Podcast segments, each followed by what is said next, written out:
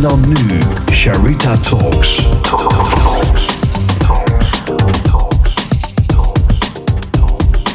Sharita Talks. Embrace your vulnerability. Sharita Talks. Welkom bij weer een nieuwe aflevering van Sharita Talks. Met deze keer Tess Keizer. Tess is een nummer 1 hartintelligentie-expert van Nederland en high-end leiderschap en transformatiecoach. Ze is een hardest, een soul explorer en een free spirit en mijn coach. Het is haar missie om meer hart in deze wereld te brengen. Om te leven en te leiden vanuit ons intelligente hart. En waarin jij weer kan verbinden met jouw essentie en met wie je werkelijk bent. Na haar studie in psychologie heeft Tess een aantal jaar in New York en Sydney gewoond. En heeft bij grote corporates talloze trainingen gegeven. Net als iedereen heeft ze een harde les moeten ontvangen om bij haar ware kern te komen. In 2018 crashte Tess met haar mountainbike. Ze was even bewusteloos en had gelukkig een engel op haar schouder. De schade viel mee. Die val was een grote les en bracht Tess uit haar hoofd en in haar hart. Kort na de val kreeg ze door wat haar soul purpose is. Tess, it's your mission to bring more heart into this world. Tess leerde meer over de wetenschap en kracht van ons intelligente hart en magie van ons brein. Ze studeerde bij het fameuze HeartMath Institute in Californië. Ging naar een week-long retreat met Dr. Joe Dispenza in Toronto, die ze binnenkort weer gaat zien. Ze ontwierp een holistisch leadership, hard leadership model. Uh, deze methode en dit model hebben een fundament in de moderne wetenschap van hartintelligentie, neurowetenschappen, psychologie, kwantumfysica en de nieuwste leiderschapsmodellen. Nth Heart is de expressie en manifestatie van de missie van Tess. Ze inspireert en helpt succesvolle vrouwelijke leiders, visionairs en ondernemers om uit hun ratio en mindfucks te komen. De stem van hun mind en hart te onderscheiden, zodat ze de moed hebben om te stoppen met wat ze echt niet meer willen. En wel de keuzes maken om daadwerkelijk te creëren en te realiseren waar ze zo diep naar verlangen. Daarover en nog veel meer gaan we het in deze podcast hebben.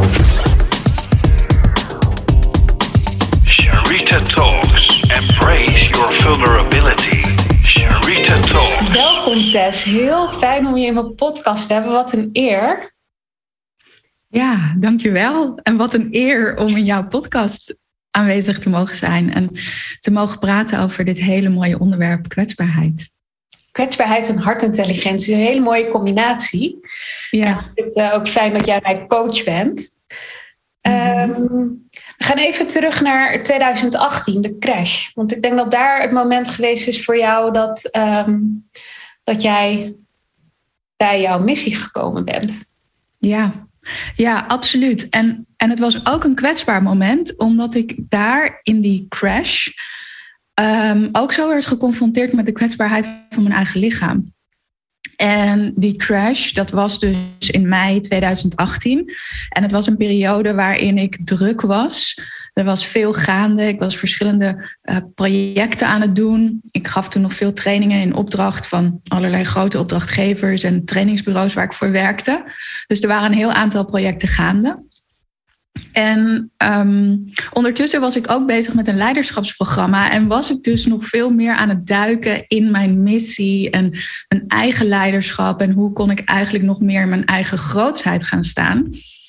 Mm, en toen ging ik mountainbiken op een uh, zondagochtend. Het was moederdag overigens en ik was samen met mijn moeder. En toen ben ik dus ongelooflijk onderuit gegaan, of eigenlijk over de kop, over mijn mountainbike heen gevlogen, met mijn hoofd in het zand, raakte bewusteloos. En ik was toen dus ook even niet, um, nou, een paar minuten niet uh, bij bewustzijn. En toen ik weer bij bewustzijn kwam, toen snapte ik er helemaal niks van. Ik snapte niet waarom ik daar was. Ik begreep niet hoe ik daar was gekomen. Ik wist niet meer welke dag het was. En dat was voor mij dat moment zo'n kwetsbaar moment van wow, holy fuck. Mijn, mijn, mijn brein doet het niet meer. Want ik realiseerde me in dat moment wel dat mijn geheugen weg was. En ik vroeg toen elke, elke keer dat ik daar lag: welke dag is het vandaag? Welke dag is het vandaag? En dan zeiden ze tegen mij dat het zondag was. En in het volgende moment was ik dat alweer vergeten. En ik, dat kon ik me wel realiseren. En dan vroeg ik weer, welke dag is het? Welke dag is het? Omdat ik zo op zoek was naar die, um, ja, toch die, die controle of dat, dat weten en die bevestiging van, oh, maar het is oké, okay, het is oké. Okay. Mm, dus dat was een, um, ja, een, een, een, een, een een intens moment, een moeilijk moment, en uiteindelijk ook een heel erg krachtig moment.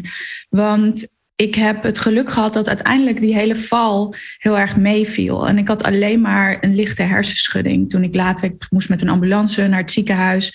En daar bleek dat het alleen een lichte hersenschudding was. Dus ik had echt een engeltje op mijn schouder. De ambulancebroeder zei ook tegen mij: Beloof me dat je nooit meer gaat mountainbiken hier in dit duingebied. Want het had veel erger kunnen zijn. Ik had een, een kunnen krijgen. Of ja, gewoon een hele ernstige, een ernstige situatie had het kunnen zijn. Was dus niet zo.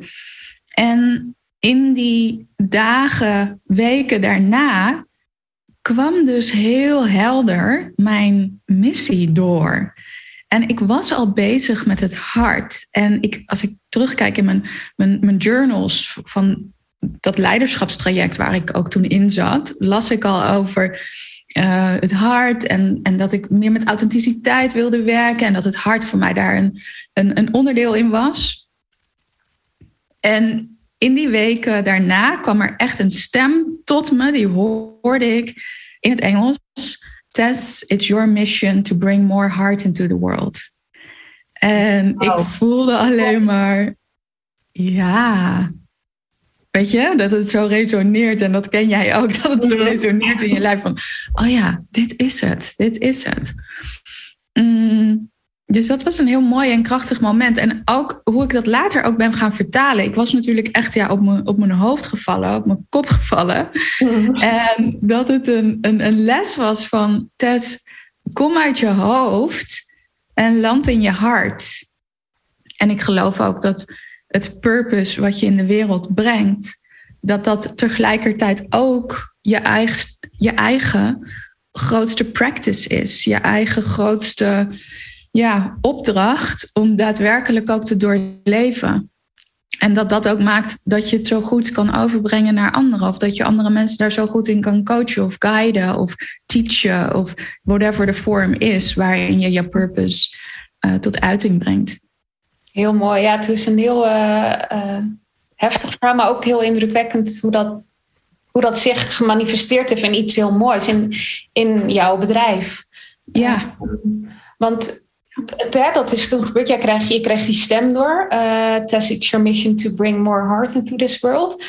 Ben je toen meteen, weet je toen meteen hartintelligentie of is daar, ben je onderzoek gaan doen? Uh, om Ja, dat is dus zo bijzonder hoe dat zich dan ontvouwt. Want ik voelde dus, oké, ja, dat gaat het zijn.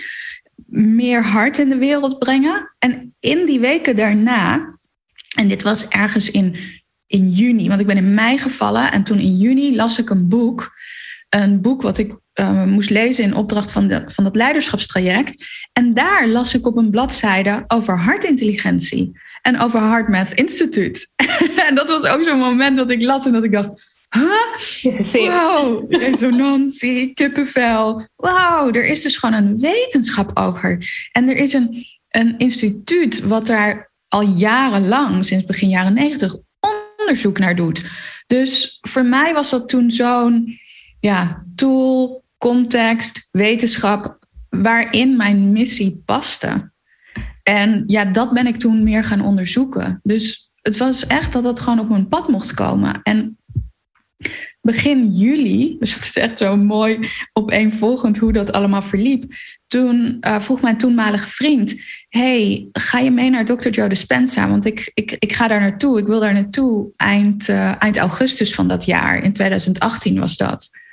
En um, ja, toen voelde ik van ja, daar moet ik bij zijn. Daar, daar moet ik naartoe. En wat ook nog wel een, een grappig verhaal is daar. Ik had eigenlijk een kaartje voor Burning Man. Oh, uh, nice. ja, en daar ben ik al eens geweest en daar wilde ik heel graag nog een keer naartoe. Uh, dus ik had toen een kaartje als een van de weinigen, want het is echt moeilijk om een kaart te bemachtigen voor Burning Man. Zo hoog op mijn lijstje. en uh, ja, dat was dus gelukt. Um, maar toen heb ik dus dat Burning Man kaartje heb ik verkocht en ingeruild voor uh, Dr. Joe Dispenza. Die toen nog niet zo ontzettend bekend is. Hij was wel bekend, maar niet zo ontzettend bekend als nu. En ja, zo reisde ik dus uh, eind augustus dat jaar naar, uh, naar Toronto, naar Canada. En Dr. Joe, die sprak ook voortdurend over hartintelligentie of the power of the heart. Um, doet ook onderzoek samen met HeartMath Instituut. Dus zo viel dat allemaal samen. En, uh, en ben ik uiteindelijk ook in 2019 naar Californië gereisd om, uh, om een training te volgen van HeartMath Instituut en met hen te studeren. Om daar nog meer, ja, meer over, te, over te weten en dat nog dieper te kunnen integreren in mijn, in mijn leven en mijn werk. Ja, het is heel mooi. En je gaat binnenkort weer naar Dr. Joe Dispenza. Super gaaf. Ja, ja, binnenkort. Ja, nu we deze podcast opnemen, morgen. Morgen vertrek ik naar Mexico. om, um, om, uh, om daar te zijn. Weer een week met hem. En dat is overigens ook, want dit is de tweede keer dat ik ga. En de eerste keer was dus in, uh, in augustus 2018. En toen vertelde Dr. Joe dat hij retreats ook deed in Cancun in Mexico. En toen voelde ik van, oh, daar wil ik bij zijn. Weet je, dit meemaken en dan ook nog in een resort zitten in, uh, in Mexico. Dat lijkt me wel een gouden combinatie. En uh, ja, het is gelukt. Want nu is Dr. Joe dus met miljoenen volgers volgens mij veel, veel bekender geworden. En het is me gelukt om een, uh, om een kaart uh, te krijgen. Ja, dus daar zie ik naar uit. Leuk, ja, echt super gaaf. En um, voor de luisteraar, uh, hartintelligentie, wat is dat precies? Ja, ja. Weet je wat ik heel mooi vind aan, het, uh, aan dat woord hartintelligentie? En ik kan me voorstellen dat bij, bij, als je nu aan het luisteren bent, ook meteen nieuwsgierigheid oproept van hé, wat is dat dan?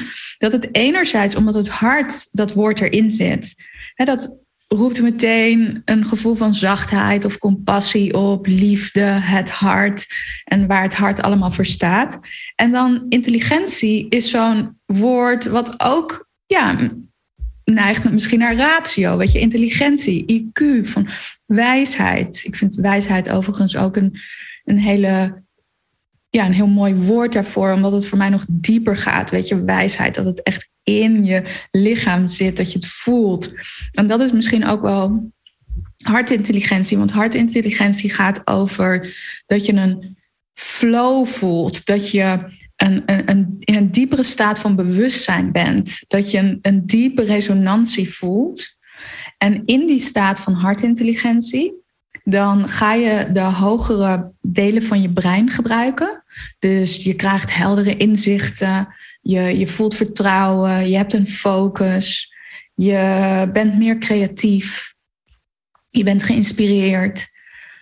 Je durft meer authentiek te zijn, want op het moment dat je connect met je hart en haar intelligentie, dan, dan voel je moed, dan voel je courage uh, in het Engels, omdat het woord ook van hart afkomt en het uh, Latijnse woord core, wat betekent telling one's truth. Dus jouw waarheid vertellen en ook jouw waarheid durven vertellen. Dus het is echt een diepe staat van zijn, een hoger bewustzijn aan het ervaren van flow, van creativiteit.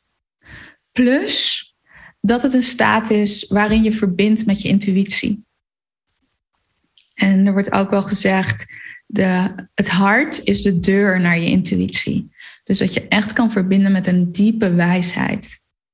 Ja, ja de wetenschap um, stelt zelfs toch dat, dat, dat je hart als eerste al aanvoelt wat er gaat. Wat er, wat er gaat het onderzoek wat ze gedaan hebben was volgens mij met, met plaatjes. Met ja. Eh, lieve plaatjes en minder leuke plaatjes. En dat ja. ze konden zien op de scans dat, um, dat je hart eigenlijk al eerder een seintje gaf dan je hersenen überhaupt. Uh, op. Ja. Ja, dus ons hart staat in contact met de wereld om ons heen. En ons hart heeft een hartmagnetisch veld. En dat hartmagnetisch veld pikt informatie op. Het is een elektromagnetisch veld, dus geladen met een frequentie van energie. En dat veld pikt informatie op voordat het daadwerkelijk heeft plaatsgevonden. Voordat we het daadwerkelijk met ons, ons brein kunnen, kunnen, kunnen zien of vatten of horen. En ja, dat, dat is dus ook intuïtie. Ja? Dat, dat je al een, een weten hebt voordat het daadwerkelijk is gebeurd. En dat zal je, als je nu aan het luisteren bent, misschien ook wel herkennen dat er soms situaties zijn die voorvallen. En dat je denkt, ja, dat wist ik al. Of dat voordat iets voorvalt, dat je een heel sterk voorgevoel hebt over wat er gaat gebeuren. En dat kan gewoon ook iets heel simpels zijn als dat je aan iemand denkt en, en vijf minuten later of misschien een uur later krijg je van diegene een, een WhatsApp bericht of een e-mail. Gewoon van dat soort kleine dingen, maar dat je dan dat al hebt aangevoeld vanuit het groter energetisch veld wat er gaat gebeuren en die informatie die komt binnen in je hart hart, vervolgens gaat het naar het brein en vervolgens gaat het naar de buik. Dus voor mensen die een sterk buikgevoel hebben, hè, want dat kan ook, dat je mhm. ja, in je buik voelt van is het een ja of is het een nee? Eerst is de informatie in het hart binnengekomen, dan gaat het naar het brein, wordt het daar geprocessed en dan gaat het naar de buik. En dat kan ook een mega snel proces zijn. Ja, ik, ja, ik vind het zo krachtig, zo mooi. Hè? Dat, ja, het is ook grappig hoe, wat dat betreft hoe ik bij jou terechtgekomen ben, over hartintelligentie gesproken.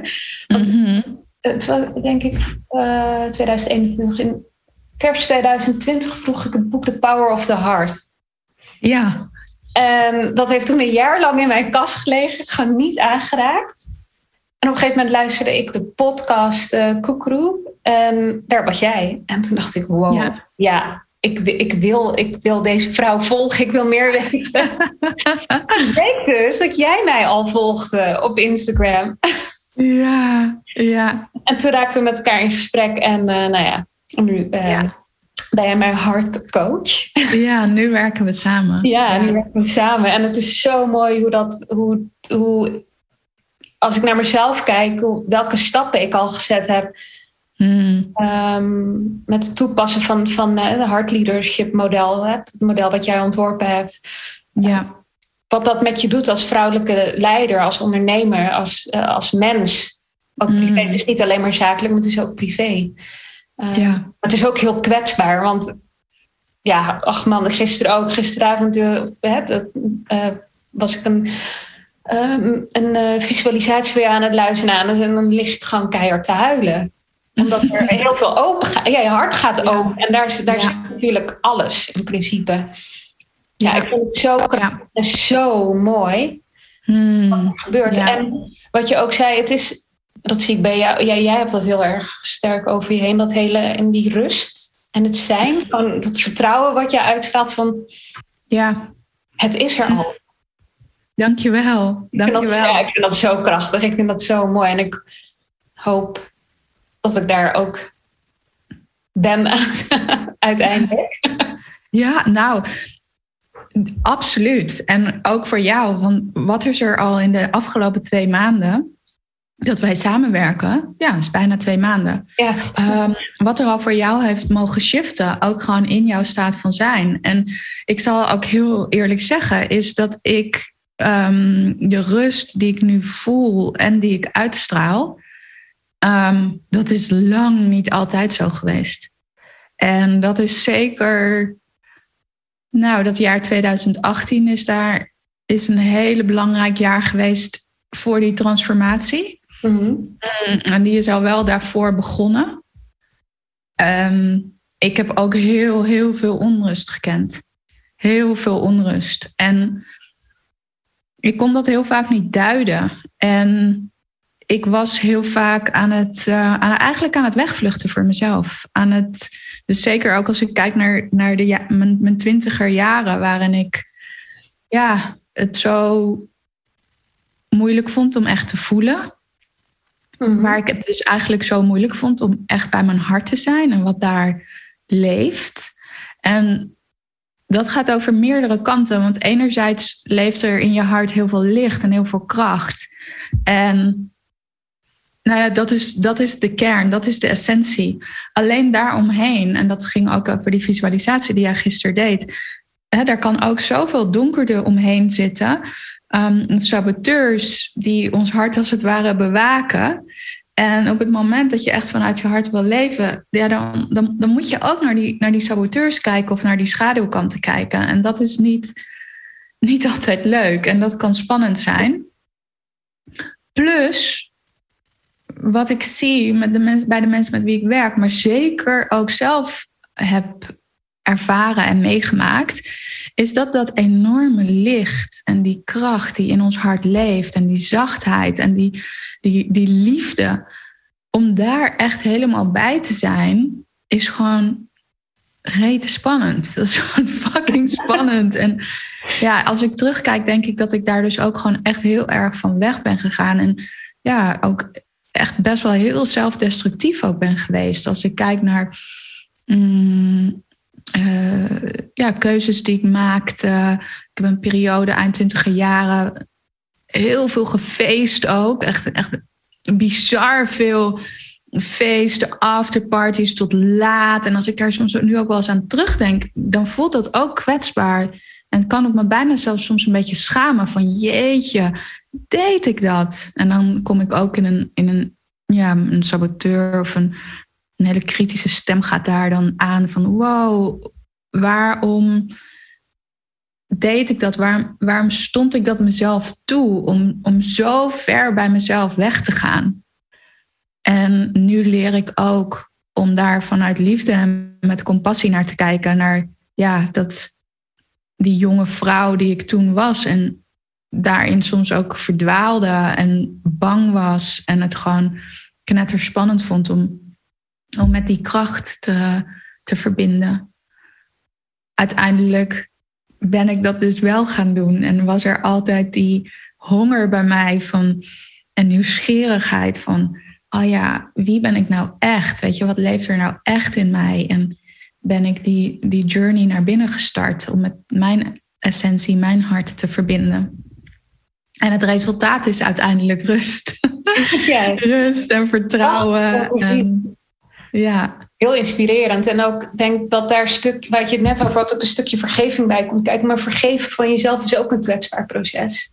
Ja, ja. En, en dat, vind ik, dat vind ik nog wel moeilijker.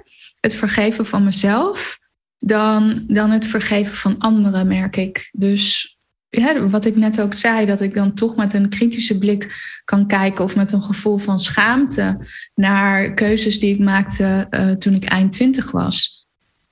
En ja, dat, dat is mezelf daarvoor vergeven. Dat dat zo um, ja, veel, aan, veel liefdevolle aandacht mag hebben. Ja, het is, ja. je bent heel, je, jij bent ook dat. Ja. En dat is wat ja. mensen misschien ook wegstoppen op het moment dat, dat je in een transformatie komt of door een, een voorval met je neus op de feiten gedrukt wordt. Ja. ja wat je net ja. Denkt, kom daar misschien ook wel bij kijken. En wat ik me ook zo realiseer is dat het ook juist ook die periode en die donkere periode daarin ook, dat het me uiteindelijk juist ook heeft gebracht, de inzichten heeft gebracht, naar de plek heeft gebracht waar ik nu ben. Het is, het is nodig geweest. Ja, ja dat, maar dat, dat, dat, is zo, dat is zo enorm herkenbaar. Mm Nou, toen ik het rock bottom zat, dacht ik... Op dat moment vond ik het verschrikkelijk natuurlijk. Maar achteraf is dat het moment geweest wat nodig was om nu te zijn waar ik nu ben. En mijn authentieke uh, leven te leiden, steeds meer. Ja. ja. Natuurlijk ook een proces. Ja. Um, maar het is een heel. Uh, het is een proces met je hart ook. Ja. Dus. Je zit er in principe. Zit je altijd in een journey, denk ik. Als je zelf ja. dat wij helemaal nieuwsgierig zijn. Ja. Um, wat, bij mij, wat, wat ik ook meegemaakt heb, is dat ik heel veel mensen kwijtgeraakt ben. Ja. Mee. Het is, het is, het is zoveel ja. op je af. En hoe meer je, hoe meer je in die hartcoherentie gaat zitten, hoe meer je inderdaad in die rust komt en meer kan denken van, en ook wat ik van mhm. jou leer van, laat het zijn. Ja, ja. het is heel chill.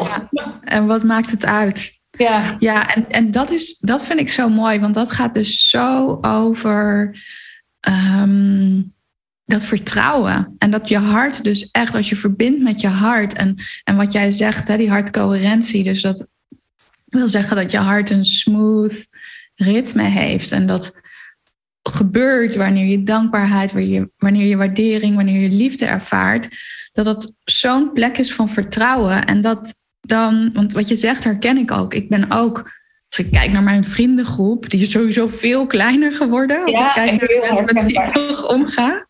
En ja, uit, uit, die, uit die feest, zeg maar, periode, die partytijd. Nou, eigenlijk zie ik niemand meer echt uit die tijd. Er zijn nog een aantal mensen waar ik contact mee heb. En er zijn wel een aantal mensen die ik in die tijd ook al heel dicht om me heen had. Die zijn er nu nog steeds. Maar ja, eigenlijk het gros van de mensen die, ehm, die is daaruit weggevallen. En eerder had ik daar wel. Afwijzing is echt een, ehm, ja, een, een, een trigger nog voor mij. Nog steeds, maar veel minder dan, dan dat het is geweest.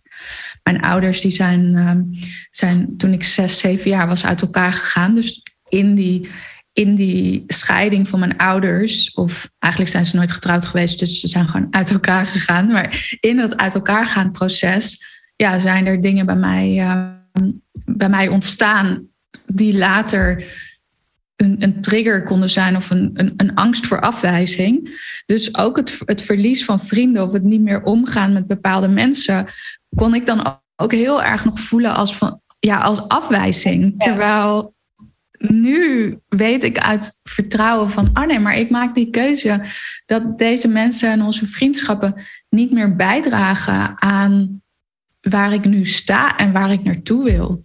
En that's okay. Ja, het is Ja. heel herkenbaar, inderdaad. En het is, uiteindelijk komt het neer op vertrouwen, voelen. Ja, En, en het is geen, het is niet lineair. Het, is, het gaat natuurlijk, het, het, het- soms is het vertrouwen er ook niet. En is het ook Mhm. gewoon eh, even zitten met je pijn en, eh, en voelen. ja, Ehm, ja, daar is schaduwwerk ook zo mooi bij. Dat hebben we ook ja. gedaan. Ehm, de methode die jij ontwikkeld hebt, kan jij daar eh, ook iets meer over vertellen? Ja, zeker. Ehm, ja, dus ik heb het heel erg over hard leadership. Of heel erg, ik heb het over hard leadership en leven en leiden vanuit je hart.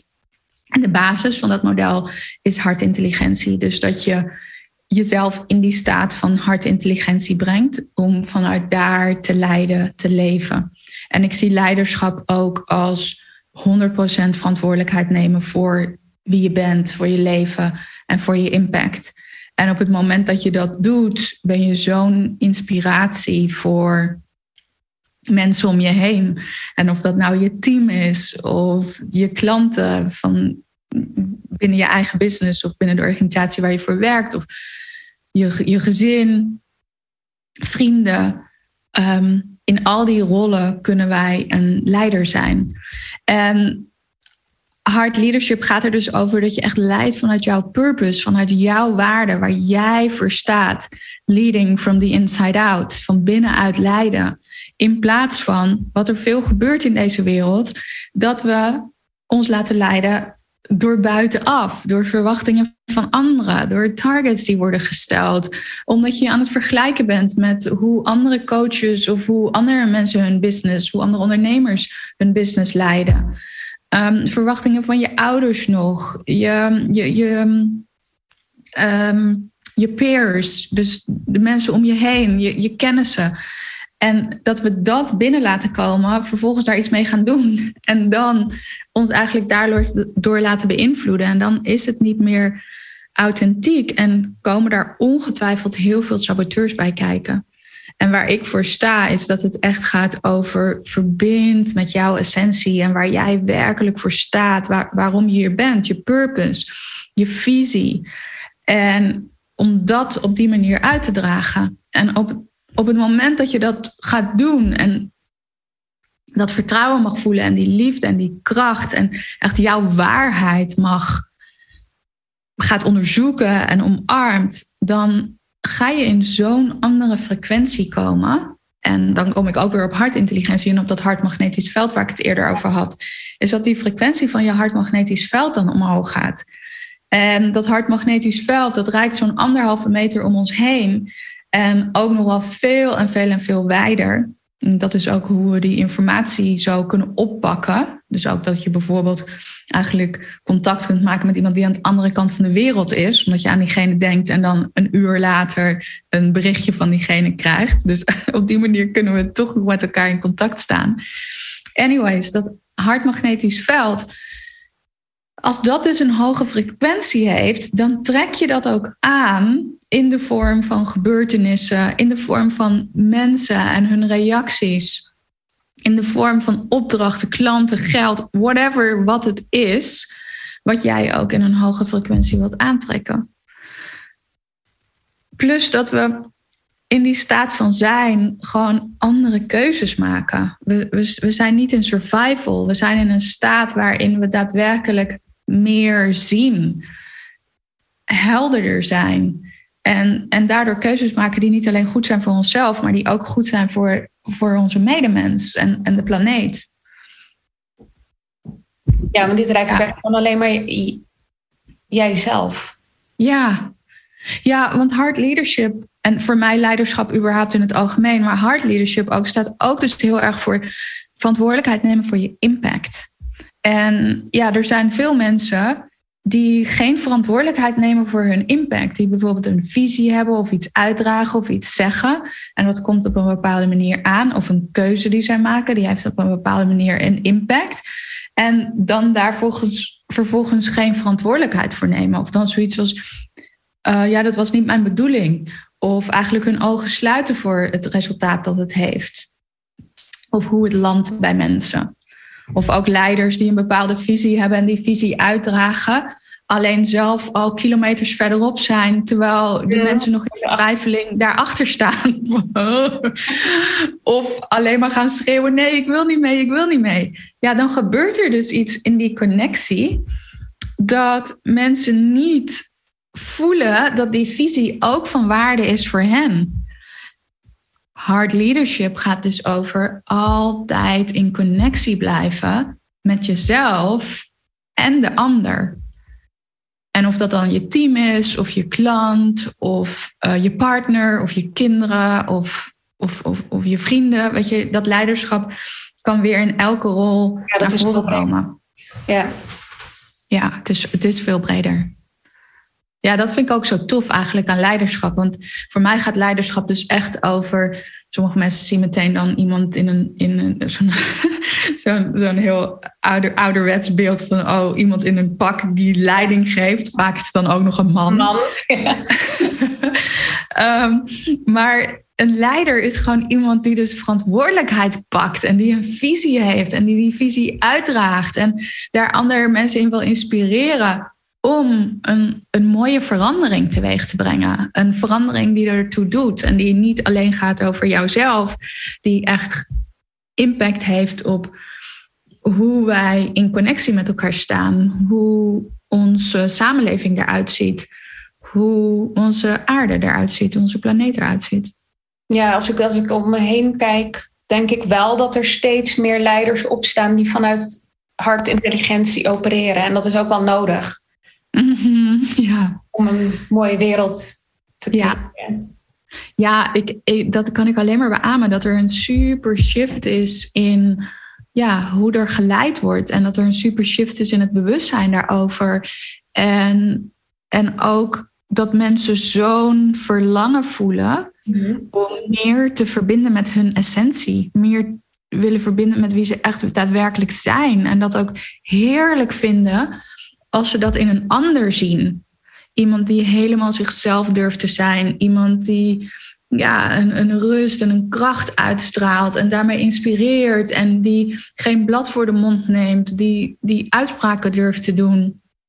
Wat natuurlijk ook heel kwetsbaar kan zijn. Ja. En ja, ik geloof dat als jij dus iets ziet in een ander wat je enorm inspireert, dat dat een reflectie is van iets wat er in jou leeft en wat er ook graag in jou uit wil komen.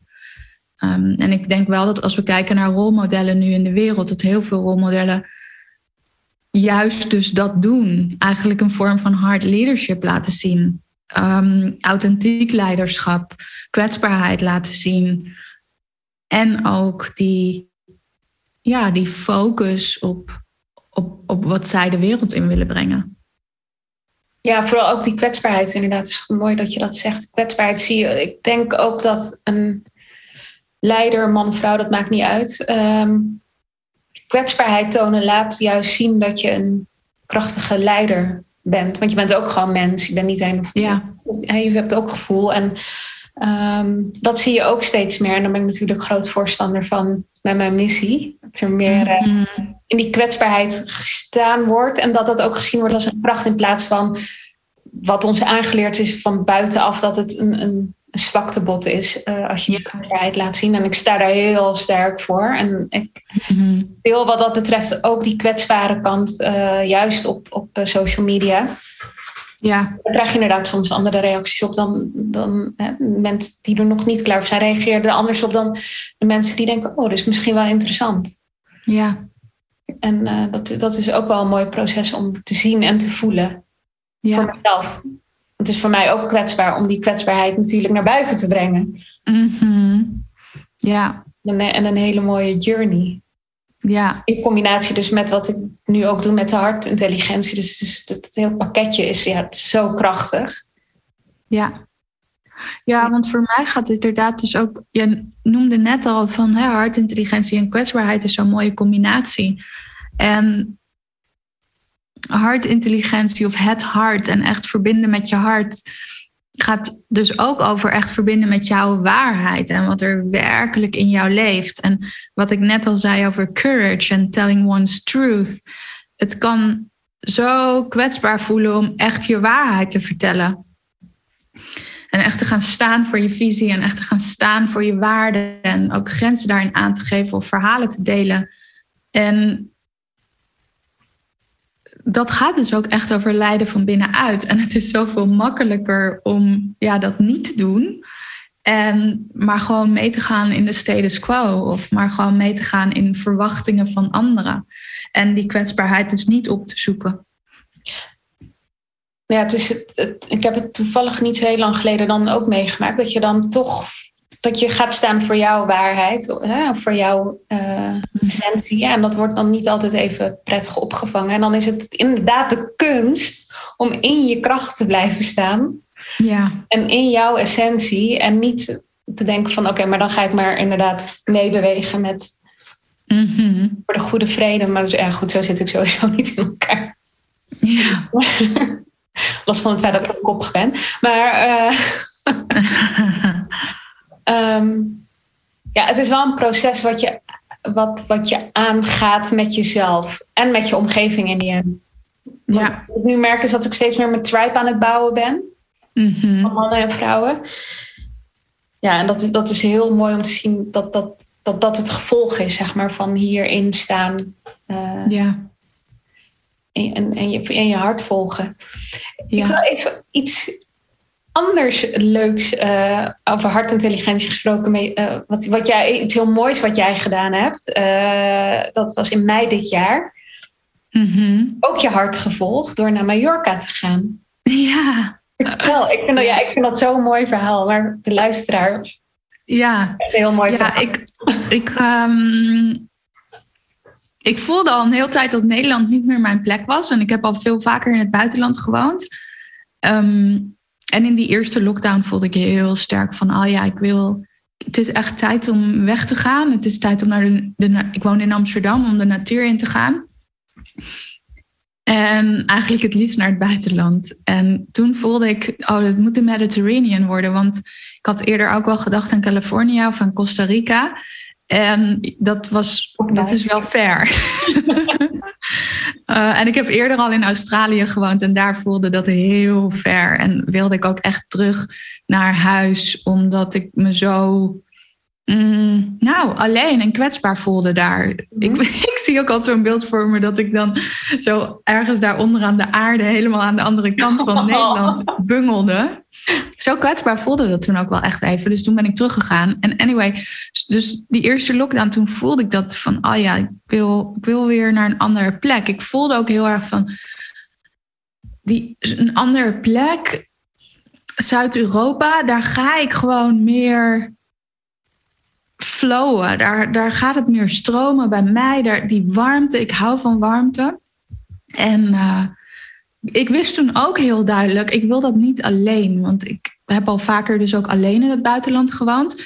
En dat vond ik fantastisch. En het is ook van, oh, I've been there, done that. Weet je, ik weet dat ik in mijn eentje in een ander land iets kan opbouwen. En nu vind ik dat niet meer het leukste. Ik wil dat graag met iemand anders. Ik had alleen op dat moment geen relatie. Dus er waren een aantal zo punten van, oké, dat wil ik creëren in mijn leven. En uh, toen vorig jaar uh, ontmoette ik Hein. En ik vroeg aan hem, uh, eigenlijk volgens mij al voor onze eerste date, wil jij ook nog in het buitenland wonen? Want dat was gewoon een vraag die ik gesteld moest hebben als het gaat over levensvisie. Ja, op die manier wilde ik mijn leven leven. En Hein zei, ja, dat wil ik ook. En uiteindelijk bleek ook nog zelfs dat zijn droom was om in, uh, in Zuid-Spanje mm. te wonen. Dus eigenlijk kwamen we er al heel snel in, in het begin van onze relatie achter van, oh, daar, daar delen wij die visie. En um, dat was vorig jaar in december. Toen hebben we elkaar ontmoet.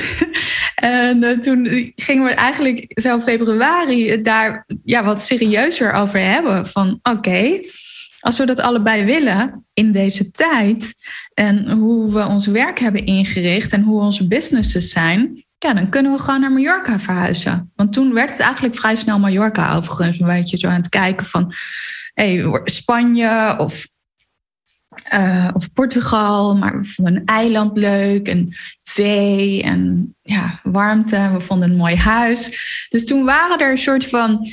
Um, nou, duizend en één redenen om het niet te doen. Mm En eigenlijk dus gewoon één hele goede reden om het wel te doen. En dat was gewoon, ja, just do it. Weet je, doe het gewoon. En um, ja, dan zien we hoe dat, hoe dat uitpakt. Als het gaat over kwetsbaarheid trouwens, is was dat ook wel een kwetsbare, um, een krachtige en kwetsbare keuze. Omdat ik alles heb opgezegd eigenlijk in Nederland. Ik, ik, huurde nog een appartement in Amsterdam. En uh, ja, dat heb ik opgezegd en we zijn gewoon hier naartoe gegaan. En beste keuze ooit. het was ook voor het eerst dat ik ben gaan samenwonen. ja, dat wil ik net zeggen. Want natuurlijk, jullie zijn echt gewoon, het is echt gewoon alles is gewoon wauw. Ja, je kent ja, en dat is wel een ander land samenwonen. Ja, samen in één huis. Wat ook grappig was, was dat hij toen ergens aan mij vroeg toen we die keuzes al hadden gemaakt en we hadden al we hadden volgens mij zelfs al het contract voor het huis uh, waar we nu wonen getekend. En toen vroeg hij naar mij van, oh, maar heb je eigenlijk al eens samen gewoond? ik zei nee.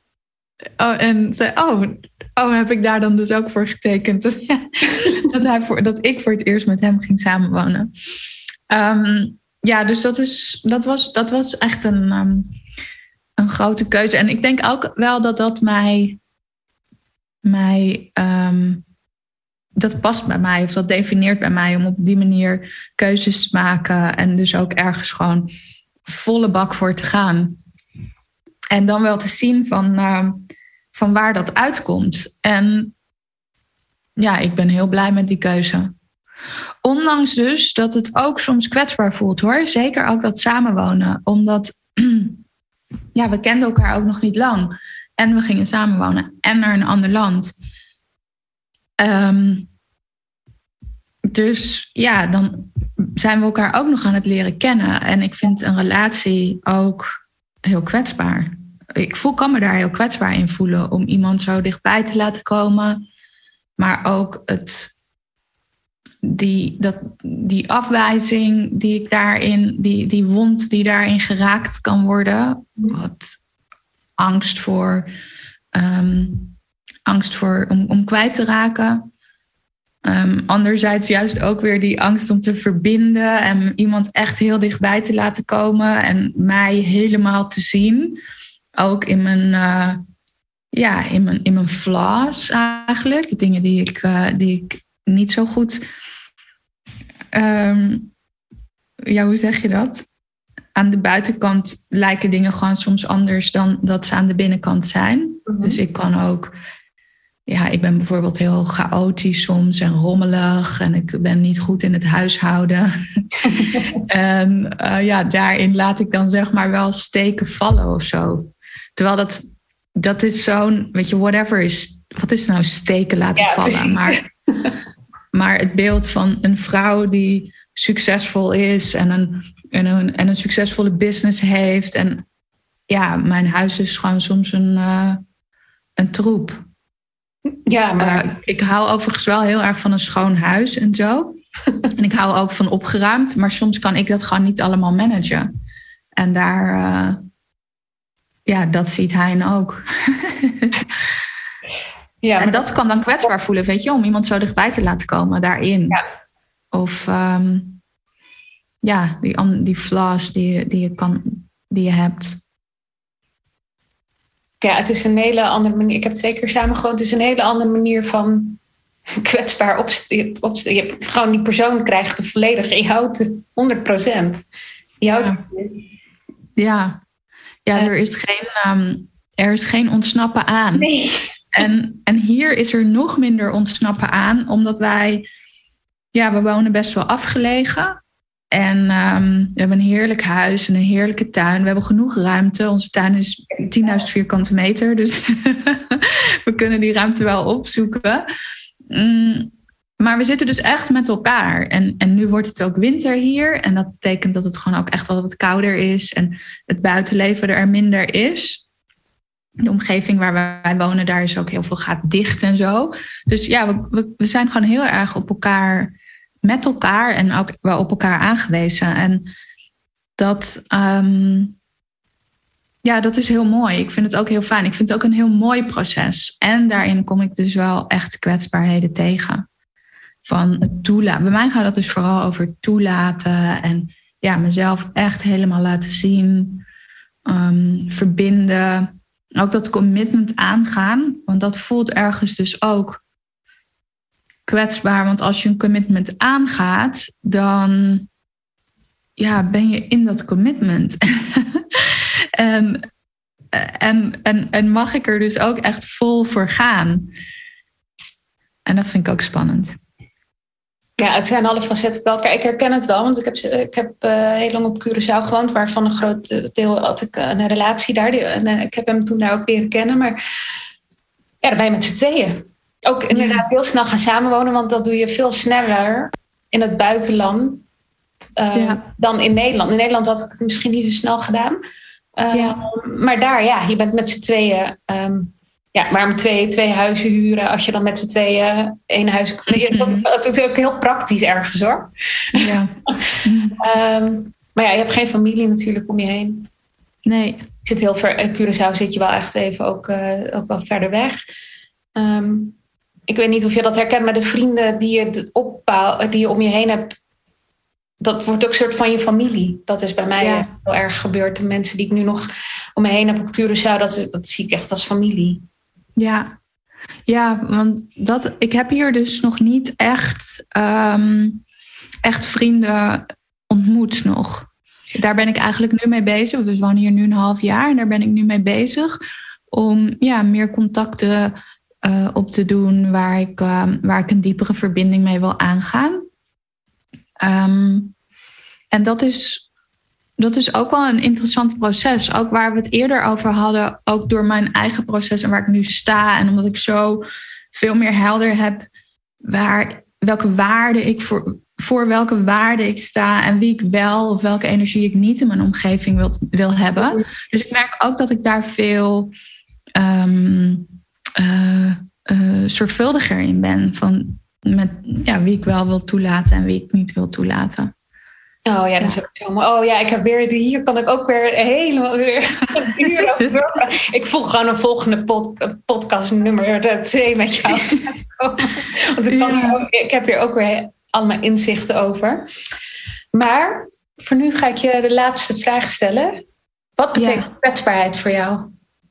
Ja, mooie vraag. Wat is kwetsbaarheid voor mij? Ik, ik heb daar ook eventjes over nagedacht al. Ik wist ook dat jij deze vraag ging, eh, ging stellen. En kwetsbaarheid gaat voor mij echt over je menselijkheid laten zien. En je echtheid laten zien. En je heelheid ook laten zien. In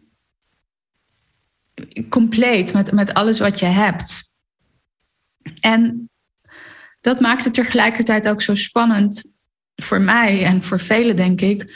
Omdat het dus ook die onderdelen zijn van jezelf waar je misschien een oordeel over hebt. Of waar je bang bent dat andere mensen een oordeel over hebben. En om dat te laten zien, zonder dat je dat kan controleren. En dit is denk ik een hele belangrijke. En ik heb Brene Brown ook daar ooit over horen spreken of over gelezen in een van haar boeken. Dat er ook een, een, een, trend gaande kan zijn dat mensen hun kwetsbaarheid gaan laten zien. En dat mensen dan ja, hele heftige verhalen over zichzelf gaan vertellen. Of uh, schrijnende verhalen of moeilijke dingen. Alleen dat wel zo doen op een manier dat ze het kunnen controleren. En dat het eigenlijk een vorm wordt om jezelf op een bepaalde manier neer, neer te zetten. En dat vond ik dus zo interessant, want toen dacht ik, ja, dat is inderdaad geen kwetsbaarheid. Dat is gecontroleerd een bepaald beeld van jezelf, of een bepaalde kant van jezelf laten zien, om een beeld van jezelf neer te zetten. En ik denk dus ook echt dat die kwetsbaarheid echt gaat over, en dat maakt het dus ook zo, zo, zo rauw, wanneer je het niet kan controleren. En ja, dat je dus dingen over jezelf deelt en waarvan je ook echt niet weet hoe dat aankomt bij een ander. Ehm, en ik weet ook dat dat voor mezelf ook nog een heel proces is waar ik nog in kan groeien, waar ik nog veel meer mee kan zijn, omdat de behoefte aan controle gewoon zo groot kan zijn. Dat je, dat je toch in je menselijkheid laat laten zien dat toch nog wil controleren. Dat daar toch nog een survival zit van, oh ja, maar stel dat ze me anders afwijzen, weet je, want dan vinden ze me niet leuk. Of dan vinden, dat speelt bij mij ook een grote rol. Ja, dan kan uh, in, in die zin ook weer saboteurs om de hoek kijken. En dan heb je weer, zeg maar, cirkeltje rond, om zo maar even te zeggen. Ja, en dan kun je dus afvragen van, hé, hey, in hoeverre is het dan die echte, pure, rauwe kwetsbaarheid die zo naakt voelt, die zo ja, spannend voelt. En, en wat ik zei, dus dat is ook echt wat ik zelf nog, um, nog verder kan onderzoeken. Dus ook in gesprekken met mensen om mij heen. En ik heb nu niet zozeer die neiging wat heel erg weet je, naar buiten of op Instagram of te delen. Maar voor mij zit het nu ook veel meer om echt die gesprekken aan te gaan met, um, nou, met Hein, met mijn partner of met, met, met familie, om, om daarin dus ook die, die rauwheid en die kwetsbaarheid op te zoeken. Of met mijn eigen coaches of met mijn klanten. Dat we ook, ja, dat die kwetsbaarheid, die rauwheid, dat die echt in die gesprekken aanwezig mag zijn. Ja. Ja, mooi. Mooi omschreven. Dus wat is kwetsbaarheid? In ieder geval dus echt je, ja, je, je menselijkheid, je heelheid te laten zien. Wat dus niet gaat over perfectie. En wel gaat over wie jij bent, het complete plaatje. En daar zit zoveel herkenning. He, daar zit zoveel erkenning, herkenning. En daar zit zoveel um, verbinding. Omdat ja, we zijn allemaal verbonden met elkaar door dat hart.